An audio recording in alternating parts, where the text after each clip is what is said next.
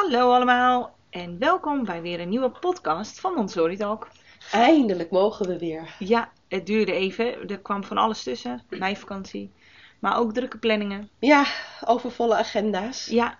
En, nu dan, niet eh, goed bij stem. Dus eh, ik ben het echt zelf, maar We doen ons best. de honing en, zit in de thee en eh, we gaan er wat moois van maken. We gaan het hebben over kosmisch onderwijs Ja. en opvoeding. Mega groot. Eigenlijk, we hebben ons echt wel geprobeerd er eh, nog verder in te verdiepen. Ja, om echt een beetje tot die kern te komen. Maar het ook beknopt te houden. Zodat en de podcast niet zo heel erg lang wordt. Maar zodat het ook begrijpelijk is.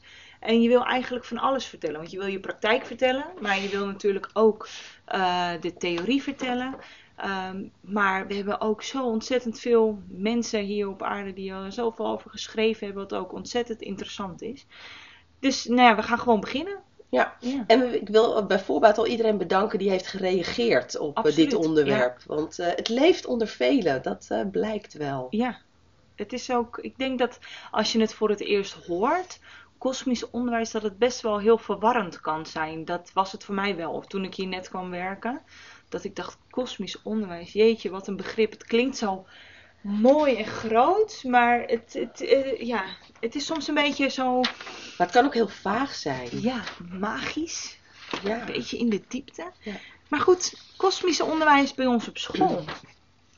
Nou ja, wij werken vanuit een hele lange tijdlijn Ja. die door de hele school gaat. Waar alle creatieve onderdelen in verwerkt zijn.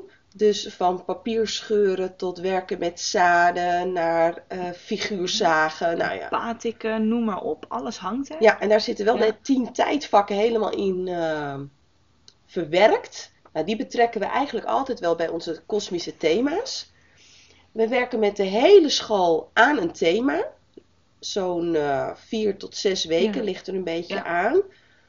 En dan eh, is de hal, dat, daar staat zeg maar de eye-catcher. Ja. En die is passend voor alle leeftijden. En eh, we zitten nu in thema Afrika. En daar hebben we allerlei eh, leerdoelen zijn eraan gekoppeld. En dus in de hal staat ook een piramide. Ehm, er staan ook hele mooie kleding, hangt daar nu. En nou, het roept verwondering en vragen op. Absoluut. En dat doen we met elk thema. Ja. De hal eh, op die manier versieren. Ehm, en soms maken we er net even iets extra's bij, waardoor je dus inderdaad een mooi verhaal daar kan vertellen en er daarbij kan gaan zitten. Maar dat gaat natuurlijk door, want dan trekken we ook onze lokalen in. En we hebben allemaal een aandachtstafel in de klas. En daar staat het thema centraal. En daar zetten we van alles neer, van allerlei Concrete soorten werkjes. werkjes, eh, maar ook naslagwerken Ja. staan er. Eh, middelen waardoor kinderen geprikkeld worden tot het ontdekken. En eh, ja, dat is wel afgestemd op, op ieders ontwikkelingsfase. Dus in de onderbouw zal je daar meer zintuigervaring aantreffen. Dus nou, in Afrika worden heel veel eh, eh, komt daar vandaan. Maar ook heel veel cacaobonen. Dus nou ja, daar zijn we met reuk bezig. Maar ook Ja. met scheppen en schenken en, en dat soort zaken. Denk eens aan het balanceren, iets op je hoofd dragen, streeplopen daarmee. Eh, ja, Eh, maar ook hoe ervaren kinderen het in zo'n hoek? Want we hebben ook hoeken in de onderbouw die we daar eh, op het thema dan proberen in te richten. Zodat we een beetje een leefsituatie proberen na Ja, te dat de onderbouw echt gaat ervaren ook. Ze hoeven het nog niet echt te leren of kennis tot zich te nemen. Ze ervaren het door Ja. het te doen. En natuurlijk vertellen we ook iets. Hè. We betrekken er ook graag een dier bij. Dus nu is de dromedaris het dier wat we eraan koppelen. Nou, dat is dan meteen een zoogdier. Dus dat, dat, dat soort termen vertel je ze echt wel. En, en je geeft ze echt wel wat mee. Maar het gaat vooral om het ervaren Ja. en, en die zintuigprikkeling. En in de middenbouw, dan gaan ze echt op zoek naar kennis. Dan hebben ze ook vragen. En dan gaan ze hun eigen leervragen verder ontdekken en uitzoeken. En hoe dat kind dat verwerkt, ja, dat is echt ook aan de kracht Ja. van het kind. De een maakt er een filmpje over, de ander een tekening of een werkstuk, een interview, een knutsel. Nou, dat, dat staat echt vrij. En daarmee eh, toetst het kind eigenlijk ook zijn kennis, die hij later gaat presenteren. Dus dat wat de kennis die hij heeft opgedaan, en dat is ook de bedoeling, gaat hij toetsen van is dat ook zo? Ja. En dat presenteren ze. En dat is in de bovenbouw ook, alleen dan gaan ze een stapje verder. Door er ook experimenten aan te koppelen en eh, de wetenschap eh, erbij te betrekken. Ja, en zo'n aandachtstafel, dat zet je niet neer en blijft daar het hele thema staan. Nee, dat wissel je constant af eigenlijk. Eh, eh, ik ben dan zeg, begonnen met, het, met echt Afrika. We nemen eventjes heel Afrika als uitgangspunt. Dus eh, hoe wonen de mensen? Wat eten ze? Wat dragen ze? Je hebt arme delen, rijke delen. eh, daar is het droog en daar is het heel erg nat. Welke dieren leven waar? Dat heb ik dan de eerste twee weken gedaan. En dan zie je dat die werkjes heel veel gepakt worden en dat het nu een beetje wat rustiger begint te worden. Dus dan weet je ook, oké, er moeten we er eventjes een wissel in. En vandaag zijn wij dan begonnen met de dromedaris, dus de bovenkant van Afrika. En dat ligt er dan nu, waar ze morgen dan mee aan de slag kunnen. Maar dat geldt natuurlijk ook voor verschillende werkjes die je misschien wel op je taalkast wil leggen. Want soms past het niet allemaal Nee. op je aandachtstafel. Nee. Nee, en ik moet ook zeggen, eh, ik ben ook met de Wereldbol begonnen. Ja. En daar vandaan naar Afrika. Nou, er is echt een stortvloed van wereldbollen door mijn klas gegaan. I, nou, iedereen wil ik niet zeggen, maar heel veel kinderen hebben dat gemaakt. Maar de een heeft het geprikt, de ander heeft het geschilderd. Die heeft het weer met krijtjes gedaan. Die wilde een bol ervan maken, die een wereldkaart. Maar prachtig om, om te zien. En de een weet alleen dat er land en water is. En de ander die kent alle namen Ja. van continenten. En ehm, ja, we sluiten het wel ook altijd af met een beetje de vierde trap, hè, de evaluatietrap, ook bij kleuters. Ehm, dat je vraagt naar een werkje, ja, maar wat heb je er nu van geleerd? En wat kun je daar nu mee met die kennis? Ja. En, en zijn er nog dingen die je moeilijk vindt? Of zijn er nog dingen die je verder wil onderzoeken? En eh, sommige antwoorden zijn heel kort en krachtig. Dat je denkt, oké, Ja. dit is genoeg. En met een ander kind heb je een prachtig gesprek. En ik, ik- heb ik nu niet gedaan en dat heeft- is echt tijdgebrek. Maar wat ik vaak doe aan het begin van een thema is wat weten we al en wat willen we leren. En daar ontstaan ook zulke mooie dingen uit. Volgens mij was het aan het begin van het schooljaar hadden we het ook over dieren. Volgens mij over de jungle en eh, in ieder geval... Ja, we hadden wilde dieren Ja, en boerderijdieren. dieren, Ja, Toen hadden we nog de illusie dat we op schoolreisje konden. ja, toen zouden we naar de dierentuin gaan inderdaad. Maar toen kwam de haai hier. Ter, eh, ter sprake. En de, ineens wilden ze van alles leren over de haai, samenwerken. Hele posters kwamen er. En dan hebben we het over kleuters die dat dan dus gewoon willen doen. Maar ook de informatie zoeken Ja. bij andere kinderen. Dus niet alleen Nee. jou daar naar Nee. vragen. Ja. Maar ook dat je kan zeggen, ja, maar de- waar denk je dat je de informatie kan halen? En dat ze dan zelf komen van, ja, maar in de bovenbouw weten ze dat wel. Ja, of in de middenbouw. Of ja. in de middenbouw. En dat ze daar dan naar op zoek gaan. Dus we hebben natuurlijk onze vaste thema's. Die staan echt een jaar eh, van tevoren al gepland. We hebben eigenlijk ook al een driejaren cyclus voor Ja. onze schoolthema's. Daarbij hebben we in de onderbouw nog een eh, themalijst voor tussendoor. Of hebben we de grote thema's veel kleiner gemaakt. Zodat het in de belevingswereld van een kleuter past. Eh, en als we een kosmische les geven, dan is hij altijd een- met een inspirerende inleiding. Het liefst met een voorwerp of, of een toneelstuk, maar dat je meteen die aandacht pakt. Nou, dan komt echt wel jouw kosmische les, de informatie die jij wil vertellen. En tenslotte is eh, ja, de afsluiting, maar eigenlijk is de afsluiting een inleiding tot verwondering en, en het opwekken van nieuwsgierigheid, zodat ze verder gaan. Ja. En, en ja, dat, eh, dat is het allermooiste. En daaraan kan je ook zien of een kind al toe is aan de volgende ontwikkelingsfase. Ja. Want natuurlijk heb ik ook kinderen die in zo'n kring meer met hun buurman en buurvrouw bezig zijn dan met mijn dromedaris die ik daar heb. Maar ehm, dat hoort bij dat kind. En dan weet je meteen, die is nog niet zo ver. Ja, of ik moet concluderen dat, mijn les niet inspirerend genoeg was. Dat kan ook nog wel eens. Ja, maar dat, je ziet dat vaak. Dat ene onderwerp pakt een kind Ja. heel snel. En vaak met dino's merken we dat dus heel erg vaak. Dat eh, dan ineens zo ontzettend veel jongetjes zich helemaal storten daarop. En al van alles willen weten, leren, eh, vragen, onderzoeken. En de meisjes vinden het soms niet echt heel erg eh, interessant. Maar als we het dan hebben over bijvoorbeeld het weer. Hebben we wel eens thema klimaat. Klimaat.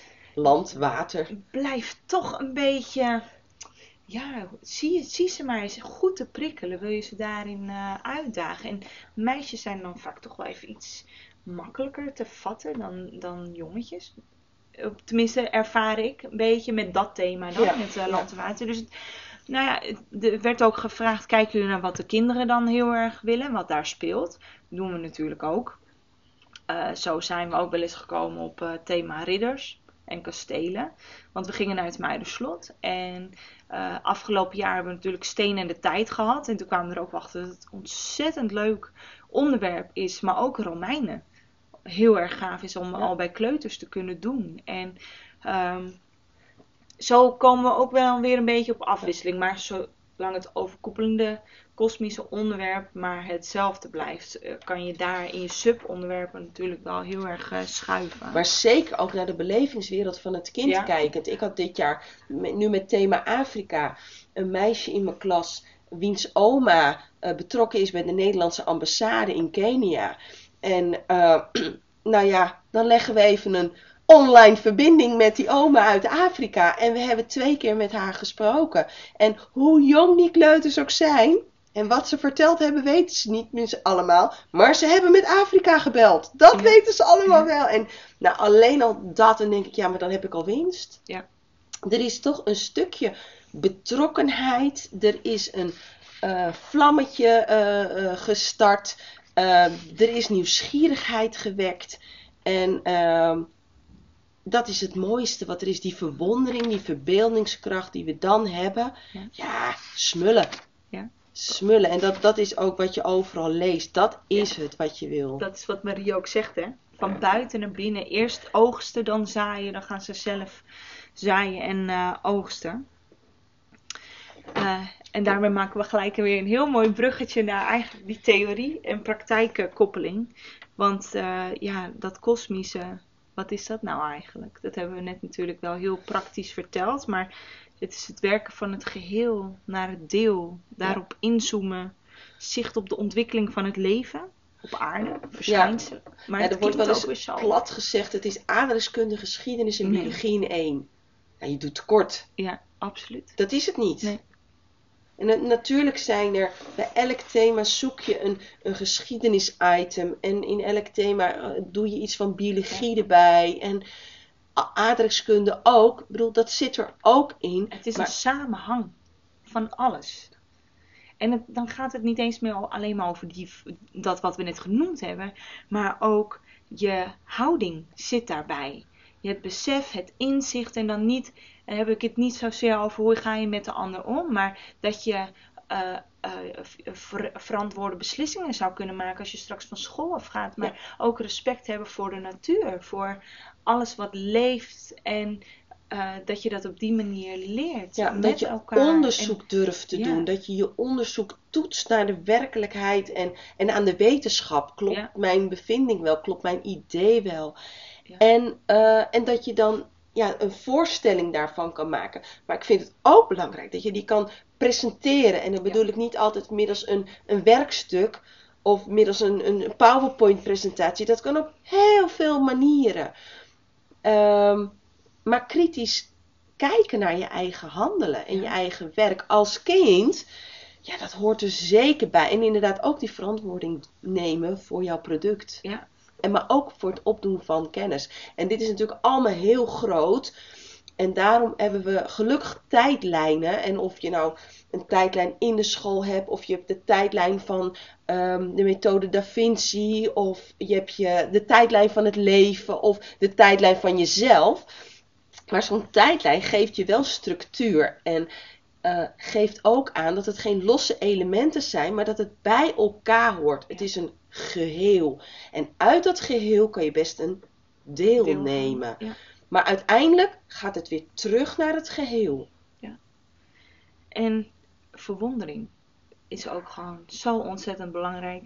Ehm, in het Montessori 2 magazine stond een stuk over die studenten die naar Letland waren gegaan. En ze spraken de taal niet, maar tijdens een les eh, begreep zij precies wat er dus was verteld. Zonder dat ze ook maar één woord daarvan hebben begrepen. En toen dacht ik, ja, maar dat is verwondering. Dat is de kracht van kosmisch onderwijs. Dat is de kracht die in de school moet leven. En die je nodig hebt voor je thema's. En dat is zo ontzettend uh, belangrijk en mooi. En Ja. uh, kan je het gesprek voor op gang brengen. Ja. Maar ik denk wel dat wat jij ook zegt, het stellen van kritische vragen, maar ook uh, uitdagen, uitlokken tot kritisch nadenken over bepaalde dingen. Dus niet zomaar klakkeloos iets aannemen. Um, is juist in deze tijd denk ik ook gewoon wel heel erg belangrijk om kinderen mee te geven voor later. Ja, Zelf denken. zeker. En, en daarom vind ik ook dat een kind met zijn eigen interesses, zijn eigen leervragen, zijn eigen ding mag komen en moet komen. Maar tegelijkertijd vind ik dat jij als leidster dan, als begeleider van het Ja. werk, inspirerend moet zijn. Dus Absoluut. jouw voorbereide omgeving, fysiek, maar ook geestelijk, moet ook rijk zijn en inspirerend zijn. En tot verwondering oproepen. En ik moet zeggen dat je dat in de methode van Maria Montessori le- terugleest. Eh, haar eigen zoon Mario Montessori heeft daar later ook meer over geschreven. En er zijn prachtige artikelen over te vinden en lezingen. Eh, in het, ehm, de, de zelfopvoeding van Maria Montessori, die, bij, die vertaald is en ook hoop snel uitgebracht wordt. Fred Kelpin heeft hem vertaald. Er staan ook hele mooie eh, verwijzingen daarnaar. En ook onderwijs en het menselijk potentieel. eh, kan ik jullie echt aanraden als je daar meer over wil lezen. Ja. En zeker voor de middenbovenbouw staan daar ja, mooie stukken over in. En mocht je nou veel meer handvaten willen hebben, dan kan je altijd even kijken op de website Cosmisch Concreet. Ehm nou, dat, is gewoon allesomvattend. Het is gewoon heel erg duidelijk.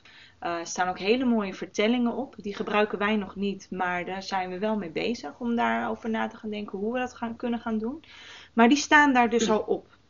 En er is ook een boek uitgebracht. Ik zag gisteren iets voorbij komen. Ik weet even uit mijn hoofd snel de titel niet meer. Ehm, maar dat zou ook ontzettend eh, interessant kunnen zijn via Montessori Nederland. Ja. Eh, En de Arend, uitgeverij De Arend, die heeft ook eh, mooie, mooie stukken over kosmisch onderwijs. Topic Nederland, die heeft Ja. onwijs mooie materialen. Maar goed, ehm, het gaat uiteindelijk om de verwondering en de inspirerende woorden die jij brengt. En eh, ja, de methode Da Vinci voor Montessori, die is ook prachtig. Heb ik ook meegewerkt, zowel met de oude ehm, als de nieuwe methode. Ja, en die is echt per bouw gericht. Dus ja, er is zoveel. er is gewoon heel erg veel. Maar het blijft uiteindelijk, en dat is wel het zwakte, zwakke punt, ehm, de interpretatie van elke school. Ja. En het is iets wat je met je team Moet doen. moet doen. En ook dit moet je voelen. Want dat is zo ontzettend belangrijk. Dat boek heet trouwens Hoe alles begon. Het is van eh Bo Bowien Bergsma en Adriaan Bijlo. En eh, mochten jullie namelijk nog eh, iets anders willen, op Instagram eh, is een pagina, juf Esther Klaver. En zij heeft echt geweldig, eh, ja, geweldige content op haar eh, Instagram staan over natuuronderwijs in haar klas. Elke keer kijk ik weer met verwondering ernaar en denk ik, wauw. Eh, dus dat is zeker ook een aanrader om, eh, om te volgen. Ja. ja, en ik had ook nog van, als je een werkje op je aandachtstafel hebt, eh, zet het ook in je kosmische kast terug. Ja. Want dan zien kinderen van, oh ja, dat werkje hoorde bij Ja. dat thema. En dan blijft het ook een beetje levend. Ja, vooral dat. Dus niet gelijk de doos in als, je het, eh, als het thema klaar is. Heel veel dingen kan je gebruiken. Dus ook je stempelwerkbladen bij wijze van. Ook. Ik leg het er altijd in een bakje dan, zit het eh, in de taalkast. Ja. Maar als ze daar doorheen zitten te bladeren, dan vinden ze het toch altijd wel weer heel erg interessant. En gaan ze elkaar daarover vertellen en komen Ja. de eigen vertellingen. Ja. Die worden dan gecreëerd. Het is heel mooi.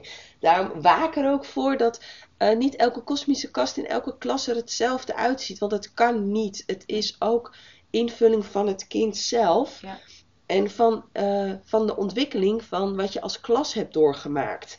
Eh, het toont aan wie jullie zijn met elkaar in die klas. En dat vond ik ook echt wel een eye-opener. Dat ik dacht, de, tuurlijk. En dat, daarom is het, het overkoepelende thema heel erg belangrijk. Maar hoe je inderdaad de delen indeelt, is zelfs bij ons in de onderbouw verschillend. Want wij hebben dan wel dromedaris die we aanbieden, maar er zijn nog kleinere subcategorieën die we dan daaruit halen en die we aanbieden. Uh, omdat er dus vraag naar is in de klas. Of uh, omdat er um, hier in, voor, in voorheen misschien wel een onderwerp aan bod is geweest die je misschien iets gelaten hebt omdat het hier weer wat beter bij past. Dat je daar wat meer op in kan spelen. Uh, ik heb vandaag een schaduwwerk gedaan met de dieren uit Afrika. Dat was echt super leuk. Maar toen kwamen we ineens op, ja, maar hoe zo schaduw en de zon en hoe draait hij dan om de aarde? Dus uh, dat is heel anders dan hoe je het in het Afrika-thema eigenlijk dan hebt staan. Maar het speelt op dat moment. Dus je pakt dat erbij. Ja. En dat uh, is soms ook wel heel verschillend per groep. En dat mag. En laat dus een thema ook niet te kort duren. Nee. Neem ook de Ja. tijd om gewoon dat hele thema goed te doorlopen en ook goed af te sluiten. Ja, vooral die afsluiting is inderdaad eh, heel erg belangrijk. Nou, ik hoop dat we het een beetje beknopt hebben kunnen vertellen. En mochten er nog vragen zijn, dan horen we het graag. En mochten er heel veel vragen zijn, dan eh, maken we er gewoon een nieuwe podcast over. En ik denk dat we volgend schooljaar echt nog wel een keer eh kosmisch aan bod zullen laten komen. En misschien dat we een filmpje kunnen maken Ja. eh, over onze tijdlijn. Dat is ook leuk. Want het is natuurlijk heel lastig om daar een beeld bij te krijgen als we het zo vertellen. Maar hij is echt heel gaaf. Dus die houden jullie van ons te goed. En dan willen we jullie heel erg bedanken voor het luisteren. En de volgende keer gaat het over drieband verantwoorden. Ja, Dan hebben we een gast. dan hebben we een gast, inderdaad. Maar wie? Dat horen jullie dan.